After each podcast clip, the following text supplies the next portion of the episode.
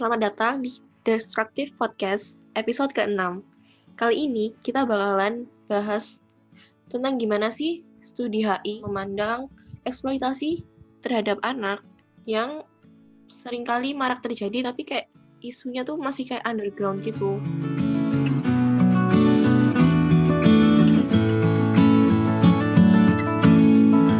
Prostitusi telah ada selama ribuan tahun di banyak masyarakat yang berbeda. Namun, Asia Selatan dan Tenggara adalah salah satu daerah asli di dunia di mana pekerjaan seksual dan perdagangan seks yang dikembangkan. Sebagai contoh adalah wisata seks yang ada di Thailand, hingga dapat ditelusuri kembali melalui bentuk lokal prostitusi dan gundik, dan perdagangan seks kolonial. Lingkup dan jumlahnya berubah secara drastis dalam menghadapi proses internasional lain, militerisasi, terkait terutama untuk penggunaan Bangkok untuk beristirahat dan bersantai selama Perang Vietnam. Nah, PBB juga memperkirakan bahwa sebanyak empat orang yang diselundupkan ke luar negeri setiap tahunnya menghasilkan hingga 7 miliar dolar per tahun dalam keuntungan gelap untuk sindikat pidana. Dan juga tidak ada jaminan bagi orang yang telah memberikan penghematan hidup mereka kepada seorang pelaku yang tiba di tujuan mereka tanpa tertangkap dan mereka juga dimungkinkan akan kehilangan kehidupan mereka. Nah, kemudian ada contoh dua studi kasus dari uh, eksploitasi seksual pada anak yang pernah terjadi di Asia, seperti yang pernah terjadi di Filipina dalam kasus meningkatnya kasus populasi anak opino, dan yang kedua yaitu sex exploitation di India dalam kasus pelecehan seksual yang dilakukan oleh seorang biksu. Nah, kita merujuk ke studi kasus yang pertama. Apa sih sebenarnya yang dimaksud dengan anak opino sendiri? Kopino itu merupakan suatu istilah yang merepresentasikan suatu anak atau seorang anak di mana uh, dia merupakan hasil keturunan dari seorang ibu Filipina dan ayahnya itu berasal dari Korea Selatan. Kemudian, jumlah penelitian terbaru sekitar pada tahun 2008 juga menyatakan bahwa sekitar 10.000 kopino itu jumlahnya terus meningkat sekitar empat kali lipat dalam rentang waktu empat tahun. Kemudian, eh, mengapa sih eh, Filipina itu menjadi salah satu negara yang eh, sangat rentan terhadap kasus eksploitasi seksual? Nah, kita kan udah pernah tahu sendiri bahwa Filipina itu merupakan salah satu negara Asia yang uh, jumlah penduduknya sangat padat dan juga sekitar 39% uh, jumlah dari populasi penduduk di Filipina itu mayoritasnya adalah anak-anak. Kemudian yang kedua, eh, ekonomi Filipina juga pada tahun 1960-an juga sempat mengalami krisis pada era kepemimpinan Marcos dan juga pernah dilanda krisis sekitar pada tahun 1997. Kemudian, jumlah eksploitasi seksual pada anak juga sangat meningkat secara drastis di Filipina Hal ini karena disebabkan oleh tindakan dan aktivitas orang tua yang secara ilegal memperdagangkan anak-anaknya. Kemudian, bahkan eh, sekitar 1,5 juta anak-anak di Filipina juga eh, rentan mengalami eksploitasi oleh oknum penyedia eh, jasa seks ilegal. Kemudian yang eh, selanjutnya yaitu perdagangan anak di Filipina itu sangat tinggi karena disebabkan oleh berbagai faktor seperti yang disebutkan tadi seperti uh, pembangunan ekonomi yang rendah, kemudian adanya ketidaksetaraan ketidaksetaraan gender, kemudian terbatasnya kesempatan peluang kerja dan juga minimnya kesadaran moral di dalam lingkungan keluarga. Kemudian um, kenapa sih kok banyak anak-anak kopino yang mengalami uh, keterbatasan ataupun ia tidak bisa membaur dengan anak-anak lain di sekitar lingkungannya. Karena anak anak-anak Kopino ini sering mengalami tindakan diskriminasi karena sebagian besar dari mereka itu sering ditinggalkan oleh ayahnya. Mengapa sang ayah yang uh, berasal dari Korea Selatan itu cenderung meninggalkan mereka? Karena sebenarnya sang ayah itu uh, pergi ke Filipina dengan niat untuk belajar ataupun juga untuk bekerja dan melakukan bisnis uh, tertentu di Filipina. Kemudian anak-anak Kopino ini um, juga rentan mengalami tindakan eksploitasi seksual karena sebenarnya pendi tingkat pendidikan di Filipina itu yang mendiskriminasikan mereka. Maksudnya bagaimana? Bahkan uh, sistem pendidikan di Filipina mewajibkan bagi setiap anak-anak itu memiliki status resmi mengenai ayahnya.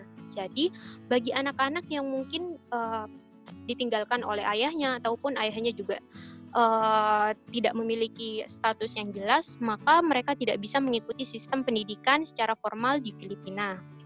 Kemudian hal ini juga uh, mendorong salah satu aktivis laki-laki uh, yang berasal dari Korea Selatan yang bernama Son Bum-si karena melihat uh, kemarginalan ataupun ketidakadilan yang dialami oleh anak-anak Kopino dari Filipina ini. Kemudian ia berusaha merekonstruksi dan juga ia berusaha untuk uh, mengadakan suatu tindakan yang bertujuan untuk menyejahterakan anak-anak yang termarginalkan di Filipina ini. Son Bumsi juga menyediakan jasa-jasa penitipan anak Kopino, uh, di mana sang anak-anak Kopino ini dapat dititipkan di tempat Son Bumsi ini saat sang ibu itu mungkin uh, bekerja dan mencukupi kebutuhan sang anak. Kemudian Son Bumsi juga secara komprehensif memberikan penampungan dan juga pengajaran secara uh, teratur bagi anak-anak Kopino yang terlantar agar mereka tidak termarginalkan lagi dan bisa mendapatkan kesempatan pendidikan yang setara dengan anak Filipina lainnya. Kemudian sebenarnya um, poin yang kedua yaitu bagaimana sih kayak uh, mekanisme ataupun kayak metode yang dilakukan oleh mungkin pihak-pihak uh, tertentu dalam mengeksploitasi anak-anak ini. Uh, hal ini dapat direkonstruksi dalam beberapa metode seperti anak-anak uh, opino ataupun anak-anak yang uh, berekonomi rendah di Filipina itu um, sering dipalsukan identitasnya oleh beberapa orang seperti pemilik bar dan juga uh, beberapa pemilik um, pemilik tempat yang tidak resmi. Hal ini disebabkan sang uh, uh, pemilik bar ataupun pihak-pihak tertentu ini ingin menjadikan anak-anak ini sebagai objek prostitusi yang sangat uh, potensial. Kemudian anak-anak Kopino ini uh, sering dijadikan sebagai objek sex exploitation karena memang jumlah mereka yang sangat dominan di Filipina yaitu sekitar um, 30 ribu dari 100 juta jiwa penduduk Filipina itu merupakan anak-anak yang merupakan uh, yang merupakan uh, hasil dari hubungan gelap antara pekerja seks ataupun uh, sang ibu yang berasal dari Filipina ini dan juga wisatawan asing yang dominannya itu berasal dari Korea Selatan. Nah, mereka ini menghasilkan anak yang dinamakan anak Kopino seperti itu. Kemudian studi kasus yang kedua um, tidak jauh berbeda yaitu ada uh, contoh sex exploitation yang pernah terjadi di India dalam kasus pelecehan yang pernah dilakukan oleh seorang biksu. Kemudian, mengapa sih kok anak-anak yang um, rentan mengalami tindakan sex exploitation? Nah, hal ini karena anak-anak itu uh, dianggap potensial, kemudian anak-anak juga tidak memiliki kemampuan untuk uh, melawan ataupun juga melakukan suatu tindakan yang uh, mungkin bisa merugikan si pihak si pihak uh, pengada pengada objek pelacuran ini. Kemudian anak-anak uh, di bawah umur ini yang dijadikan sebagai objek seksualitas di India itu kebanyakan anak-anak yang belum mengalami masa pubertas. Nah, anak-anak yang belum mengalami masa pubertas ini kemudian biasanya akan dibawa oleh sang biksu ataupun uh, mungkin uh, pemuka agama di lingkungannya. Kemudian mereka akan ditampung di suatu tempat. Nah, pada saat uh, mereka ditampung di suatu tempat itu, mereka dijadikan sebagai sasaran tepat ataupun sasaran empuk untuk uh, sang biksu ini atau pemuka agama ini uh, memuaskan hawa nafsunya ataupun melakukan tindakan eksploitasi seksual. Kemudian berdasarkan data the US Department of State, India juga bahkan masuk ke dalam daftar negara dengan CSI atau eksploitasi seksual yang sangat tinggi. Bahkan India juga sempat dikecam uh, akan diberlakukan akan uh, terkena sanksi internasional jika India masih belum bisa mengatasi uh, aktivitas atau eksploitasi seksual ilegal di negaranya. Kemudian, mengapa uh, korban di uh, India itu merupakan sebagian besar adalah anak-anak karena anak-anak uh, dan juga wanita itu cenderung mengalami keterbelakangan lingkungan sosial. Kemudian mereka juga uh, memiliki tingkat perekonomian yang sangat rendah sehingga mereka mudah untuk uh, dilakukan tindakan manipulasi ataupun seperti um, mungkin uh, diarahkan pada tindakan-tindakan yang mengarah pada tindakan seksualitas. Kemudian anak-anak dan perempuan uh, yang seperti apa yang biasanya dijadikan sebagai objek uh, objek potensial biasanya adalah anak-anak dan perempuan muda. Mengapa? Karena karena anak-anak dan perempuan muda ini dianggap aman ataupun um, bisa menjadi bisa uh, terhindar dari resiko penyakit HIV atau AIDS kayak gitu. Kemudian yang selanjutnya yaitu lalu di manakah biasanya anak-anak dan perempuan muda tersebut diperdagangkan? Biasanya mereka dijual di pasar perdagangan di beberapa tempat di India seperti di Karnataka, kemudian Maharashtra, Andhra Pradesh, dan juga beberapa tingkat lainnya. Uh, kemudian sebenarnya uh, terdapat uh, saluran perdagangan eksploitasi seksual itu. Uh, kemudian yang selanjutnya saya akan menjelaskan mengenai uh, siapa sih uh, biksu yang yang tega sekali melakukan tindakan tersebut. Biksu tersebut diidentifikasi bernama Sante Sang Pria Sujoy. Nah, ia diidentifikasi sebagai tersangka utama dalam kasus tersebut ia juga melakukan aksi sadisnya sebenarnya bukan hanya pada anak e, perempuan, tetapi dia juga melakukan e, aksi sadisnya pada sekitar 15 anak laki-laki yang dibawa e, olehnya dari lingkungan lingkungan yang termarginalkan dan juga lingkungan dari lingkungan keluarga miskin.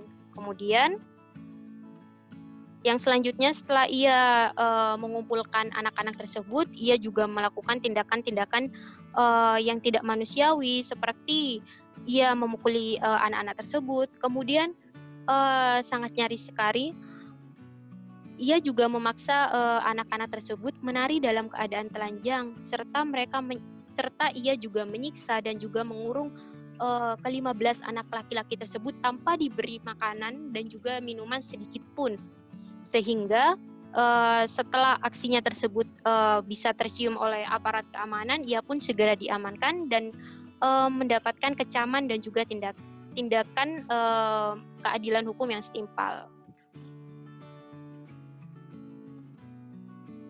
Nah ini kalau menurut Berton 2000 dia tuh bilang kalau kesenjangan dalam kekayaan negara dan tren berglobalisasi di seluruh dunia adalah bagian dari penjelasan terhadap keinginan orang untuk bekerja di negara di mana mereka bisa mendapatkan keuntungan maupun penghasilan yang tinggi. Namun, salah satu aspek yang paling berbahaya dan eksploitatif dari perdagangan manusia adalah perdagangan dan pembelian perempuan untuk bekerja secara seksual di negara lain. Seks tourism, sistem kawin kontrak, prostitusi di pelacuran, pornografi, dan militer militer seksual layanan adalah contoh dari pasar tersebut. Nah, perdagangan pada wanita adalah subset terbesar dari bisnis di mana perempuan dipaksa, diperbudak, diculik, disiksa, atau diperkosa dalam rangka layanan seksual pria untuk keuntungan orang lain. Akan tetapi, Hal ini juga melibatkan situasi di mana seorang gadis dan wanita diculik untuk tujuan perdagangan atau dijual ke prostitusi atau perkawinan perkawinan paksa dan oleh karena itu tidak dianggap sukarela. Lalu, bagaimana studi HI memandang sex exploitation? Menurut Berton, seks dipandang sebagai sebuah produk sosial budaya, produk politik hierarki gender, dan ini adalah kondisi dari kekuatan pria.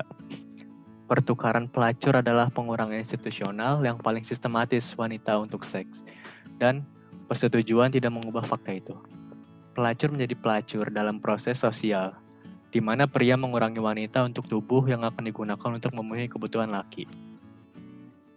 Proses sosial ini sangat melanggar perempuan sebagai manusia. Terlebih lagi, ia juga sering menjadi objek penindasan. Menurut salah satu scholars feminis yang ada dalam studi HI, yaitu Barry, berpendapat bahwa prostitusi adalah dasar untuk semua bentuk lain dari eksploitasi seksual perempuan karena mengurangi perempuan mengurangi hak perempuan dan menjadikannya sebagai komoditas pasar. Gelombang pertama protes terhadap prostitusi diselenggarakan oleh seorang wanita kelas menengah Victoria bernama Josephine Butler. Dalam sebuah upaya untuk melindungi tentara dari penyakit kelamin yang merajalela dan penyakit seks menular dan protes tersebut diadakan pada awal abad pertengahan ke-19 di Inggris. Kampanye anti prostitusi yang berani, nasional dan internasional ditujukan untuk prostitusi paksa dan bukan pada prostitusi sukarela. Perbedaan antara paksaan atau pemerkosaan dan prostitusi sukarela Kaum feminisme berpendapat bahwa sex exploitation maupun prostitusi harus ditolak jika kita ingin mencapai dunia tanpa prostitusi. Setelah ada tuntutan kaum feminisme, baru dibentuk deklarasi Beijing dan daftar strategi uniform untuk memerangi sex exploitation. Seperti yang telah diketahui, bahwa sex exploitation merupakan salah satu isu dalam hubungan internasional kontemporer. Isu ini menjadi sangat serius, terutama saat kaum feminis pertama melakukan protes penghapusan sex exploitation beserta seks industri. Nah ini ada juga kesempatan bersejarah untuk memerangi perdagangan manusia pada wanita yang ditandatangani antara pemerintah Filipina dan pemerintah Belgia pada 15 September 1994 kedua negara ini diminta untuk mengekspos eksploitasi seksual secara besar-besaran terhadap perempuan dari negara berkembang ke Eropa. Perjanjian bilateral pertama ini menentang perdagangan seks global pada wanita dengan memanfaatkan sumber daya pemerintah yang signifikan untuk inisiatif hukum dan program penelitian, pendidikan, dan layanan sosial pada perdagangan dan prostitusi perempuan. Kesepakatan ini juga merupakan hasil dari upaya kaum feminis, terutama kelompok feminis yang ada di Filipina, mengenai eksploitasi seksual dan perdagangan manusia. IOM mengidentifikasikan sejumlah tindakan yang dapat diambil untuk menghilangkan perdagangan perempuan, antara lain upaya untuk merumuskan kebijakan dan program memerangi masalah ini sebagai salah satu kerjasama internasional, sehingga kayak negara pengirim dan negara penerima itu dapat menghindari penyelundupan perempuan ke, kepada negara tujuan-tujuan tertentu. Yang selanjutnya ada inisiasi bantuan pembangunan yang ditargetkan pada wanita di negara pengirim yang tentunya merupakan cara paling efektif untuk membasmi masalah perdagangan manusia, terutama pada perempuan untuk tingkat eksploitasi seksual. Yang selanjutnya, ada kampanye informasi yang bertujuan untuk memperingatkan calon korban, masyarakat umum, dan pejabat yang terlibat dari bahaya dan juga konsekuensi perdagangan manusia. Terus yang keempat, kontrol masuk yang lebih ketat dan lebih tangguh hukum terhadap perdagangan manusia perlu dipertimbangkan. Yang kelima, meningkatkan tindakan polisi dengan mendirikan unit khusus untuk menangani perdagangan manusia. Dan yang keenam, mengulurkan perawatan dan bantuan kepada perempuan yang diperdagangkan yang telah dieksploitasi. Perempuan ini telah disiksa secara fisik dan mental dan mereka harus dianggap sebagai korban dan bukan sebagai penjahat. Pada tanggal 4 sampai 15 September 1995, terbentuk Deklarasi dan Landasan Aksi Beijing atau Beijing Declaration and Platform for Action atau BPFA yang merupakan sebuah kesepakatan internasional yang hasil dari konferensi tingkat dunia keempat tentang perempuan yang bertema persamaan, pembangunan dan perdamaian yang dilaksanakan di Beijing atau Tiongkok. Kesepakatan internasional Beijing ini ditandatangani oleh 189 negara termasuk Indonesia yang berisikan tentang beberapa pasal yang memberikan landasan penguatan dalam perlindungan perempuan.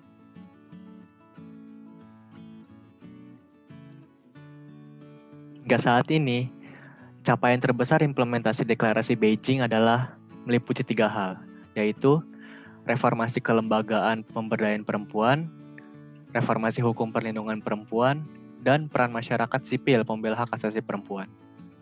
UNIFEM juga telah menyiapkan daftar strategi yang digunakan oleh instansi pemerintah dan LSM dan masyarakat internasional untuk memerangi perdagangan perempuan, yaitu Satu, pencegahan peredaran perdagangan melalui sistem hukum dan kriminal, pelatihan aparat penegak hukum.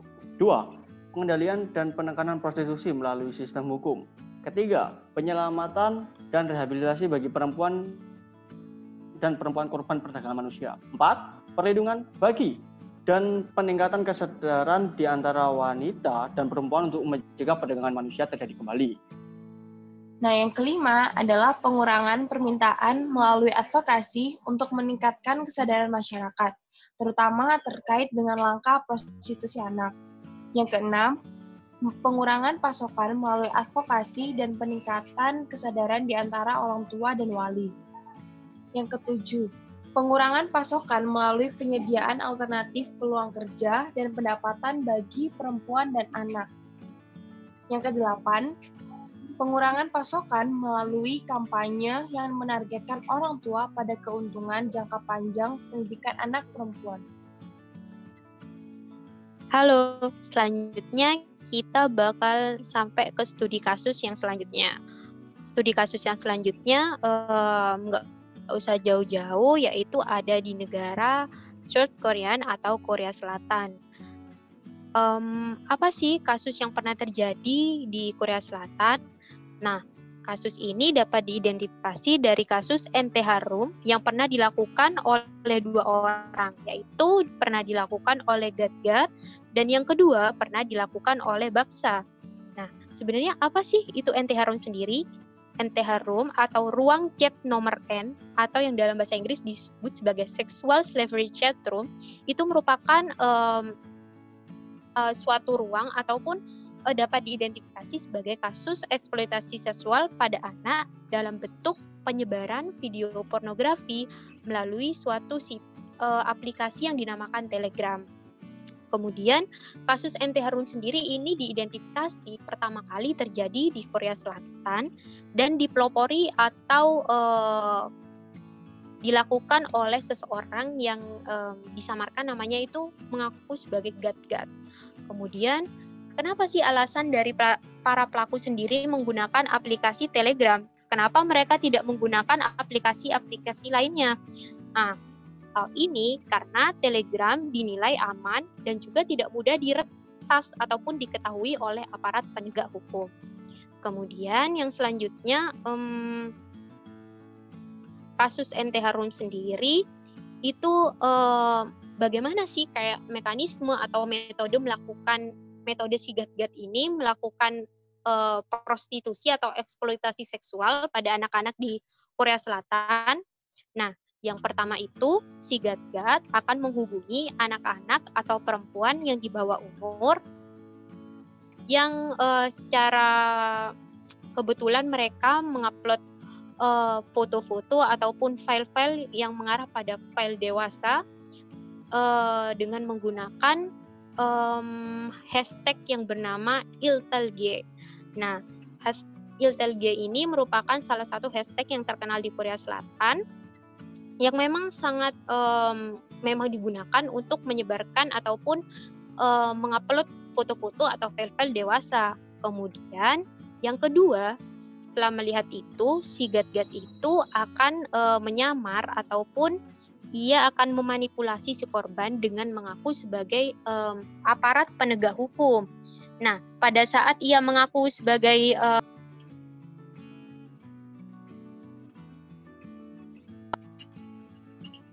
pada saat ia mengaku sebagai aparat penegak hukum, kemudian uh, uh, pasti si korban ini kan akan merasa sedikit ketakutan, kemudian ia juga akan merasa terintimidasi.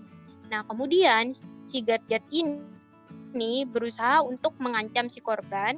Uh, kalau dalam istilahnya itu uh, si Gat-Gat ini bilang kalau misalnya uh, kamu itu tidak mau untuk masuk ke dalam uh, penjara, kamu harus masuk atau mengikuti perintah saya, yaitu dengan uh, masuk ke dalam suatu link tertentu. Nah, si korban ini pasti akan takut kan? Nah, kemudian ia juga uh, kemudian akan tergesa-gesa masuk ke dalam link yang diidentifikasi atau yang diberikan oleh si gat-gat ini. Setelah uh, si korban ini masuk ke dalam link tersebut, akhirnya gat-gat berhasil meretas ataupun mendapatkan semua foto, link, file pribadi, kemudian semua data-data yang dimiliki oleh si korban. Kemudian si gat-gat juga uh, setelah mendapatkan itu, ia kemudian akan menghubungi si korban. Kemudian ia juga akan mengancam si korban bahwa jika ia tidak mau uh, melakukan apa perintahnya, Gatget akan menyebarluaskan video ataupun foto pribadinya. Karena uh, si Gatget tadi sudah mendapatkan file utama dari si, dari HP milik si korban. Kemudian korban yang merasa takut ini akhirnya terpaksa mengirimkan uh, apa yang diinginkan oleh si Gatgat seperti uh, mengupload foto uh, tidak foto dewasa, kemudian gambar-gambar yang tidak senonoh, kemudian video yang uh, video yang uh, kemudian di luar video 18 tahun ke atas, kemudian um, dan hal-hal lainnya yang diinginkan oleh si Gat-Gat. Kemudian karena uh, polisi sudah mengetahui aksi si Gat-Gat, akhirnya si um, si anak buah Gat-Gat ini ditangkap. Tetapi Gat-Gat yang menjadi pencetus pertamanya itu masih belum bisa ditemukan sampai saat ini. Nah, setelah berjalannya waktu, kemudian muncul kembali kasus NT Harum yang kedua. Nah, kasus NT Harum yang kedua ini dipelopori oleh anak buah Gat-Gat yang selanjutnya, yaitu bernama Baksa. Kasus NT Harum yang kedua ini sebenarnya uh, tidak jauh beda dengan kasus ente harum yang pernah terjadi sebelumnya. Hanya saja uh, pada kasus ente harum ini ada sedikit uh, perbedaan metode yang dilakukan oleh si baksa ini yang berbeda dengan gat-gat. Yang pertama yaitu baksa itu akan menghubungi uh, korban dengan menawarkan suatu situs ataupun lamaran pekerjaan.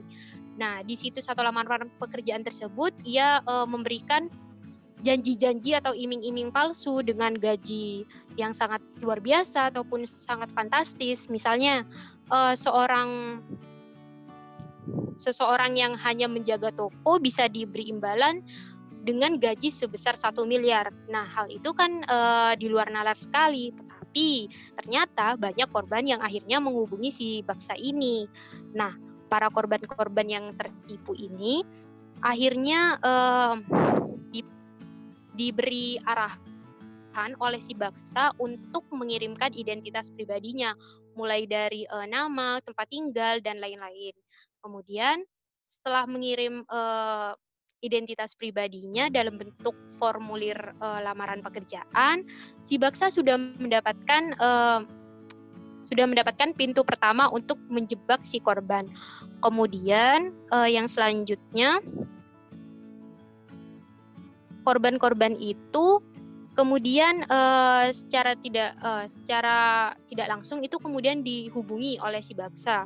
Kemudian ia berkata pada si korban bahwa korban ini akan dijadikan sebagai uh, role model ataupun dijadikan sebagai suatu uh, model dalam iklan uh, ataupun model dalam pose foto dewasa. Nah, tapi si baksa ini juga uh, berusaha untuk mengiming-imingi si korban bahwa uh, foto si korban ini tidak akan disebarluaskan secara uh, secara menyeluruh, hanya beberapa orang saja yang akan mengetahui.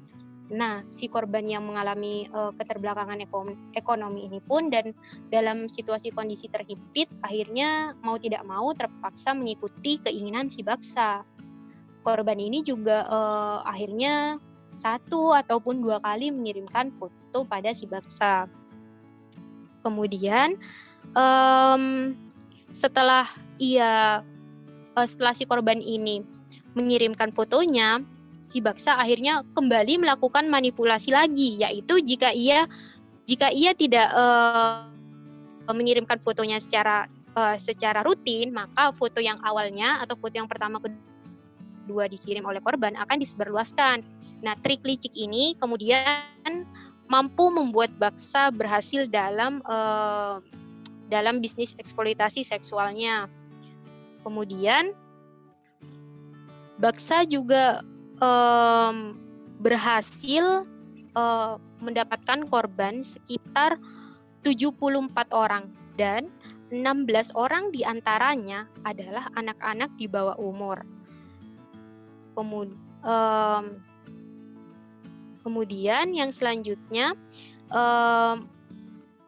setelah si baksa itu um, mendapatkan semua foto-foto dari korbannya, Baksa juga melakukan uh, trik manipulasi lain yaitu ia berusaha membuat suatu room ataupun suatu um, suatu uh, wadah khusus gitu ya bagi uh, mungkin yang ingin mendapatkan akses ke menuju ke foto ataupun file-file dewasa itu bisa uh, bergabung dalam atau join dalam suatu room room tertentu.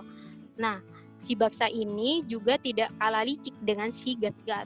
Ia juga berusaha memanipulasi uh, trik ataupun cara pembayaran dari uh, para pelanggannya, yaitu Baksa uh, mewajibkan para pelanggannya untuk menggunakan suatu jenis uang uh, Monero agar transaksinya itu aman dan juga tidak diketahui oleh polisi. Nah, uang Monero ini sejenis uang uh, sejenis uang uh, apa namanya sejenis uang online gitu ya. Jadi sebesar apa pun transaksi ataupun berapa pengeluaran yang dikeluarkan oleh si baksa ataupun si pelanggannya itu tidak akan diketahui oleh polisi sehingga transaksi transaksinya itu dapat berjalan dengan lancar. Kemudian ada satu hal lagi yang mungkin bisa dikategorikan sebagai tindakan yang sangat uh, tidak manusiawi yaitu saat si baksa pernah memaksa uh, korbannya untuk uh, memakan kotorannya sendiri dan juga ia uh, memaksa korbannya untuk meminum air toilet karena hal ini sesuai dengan uh, permintaan ataupun keinginan salah satu pelanggan baksa. Nah, dari studi kasus itu dapat diketahui bahwa sebenarnya eksploitasi seksual ini sudah menyeluruh terjadi di negara seperti yang sudah disebutkan tadi, pernah terjadi di uh, Filipina, kemudian India dan juga pernah terjadi di Korea Selatan. Uh, setelah studi kasus di Filipina, terus juga di Korea Selatan, Indonesia juga ada loh kasusnya. Banyak malah. Terus juga menurut Muhammad Farid tahun 2000 30% dari penghuni rumah bordil di Indonesia adalah perempuan berusia 18 tahun ke bawah, yang jumlahnya sekitar 200 sampai 300 ribu anak-anak. Itu di Indonesia aja. Terus juga daerah pengirim perdagangan anak itu biasanya dari daerah-daerah kantong kemiskinan seperti Nusa Tenggara Barat, Nusa Tenggara Timur, Sumatera Utara, Sumatera Barat, Lampung, Jawa Barat, Jawa Tengah, Jawa Timur. Sedangkan daerah penerimanya adalah rata-rata kota besar seperti kota industri yaitu Lombok, Bali, Batam, dan juga Jakarta. Untuk pengiriman keluar Indonesia, negara penerimanya yang paling laku adalah Singapura, Malaysia, Thailand, Hong Kong, Arab Saudi, Taiwan, Australia, bahkan Eropa Timur. Nah kan sebelumnya kita udah bahas tuh kayak eksploitasi anak dari sudut pandang globalisasi dan sekarang Kita bahasnya dari sudut pandang studi HI, yaitu feminisme. Kesimpulannya, menurut kaum feminisme, sex exploitation itu kayak bagian dari seks industri dan bukan sesuatu yang mudah buat dihapuskan dari struktur internasional. Di mana sex exploitation ini juga masih berkaitan dengan sistem kolonialisme atau pemahaman patriarki yang ada. Hal ini juga sangat-sangat dipengaruhi oleh kondisi kelas-kelas yang tercipta akibat globalisasi. Kaum feminis hingga saat ini mengupayakan penghilangan seks eksploitasi yang memaksa perempuan untuk terlibat dalam industri seks tanpa perlindungan dan aturan yang jelas. Sehingga berbagai negara beserta NGO dan NGO berupaya untuk memberikan regulasi jelas mengenai industri seks dan kejahatan seksual, terutama seks exploitation terhadap anak.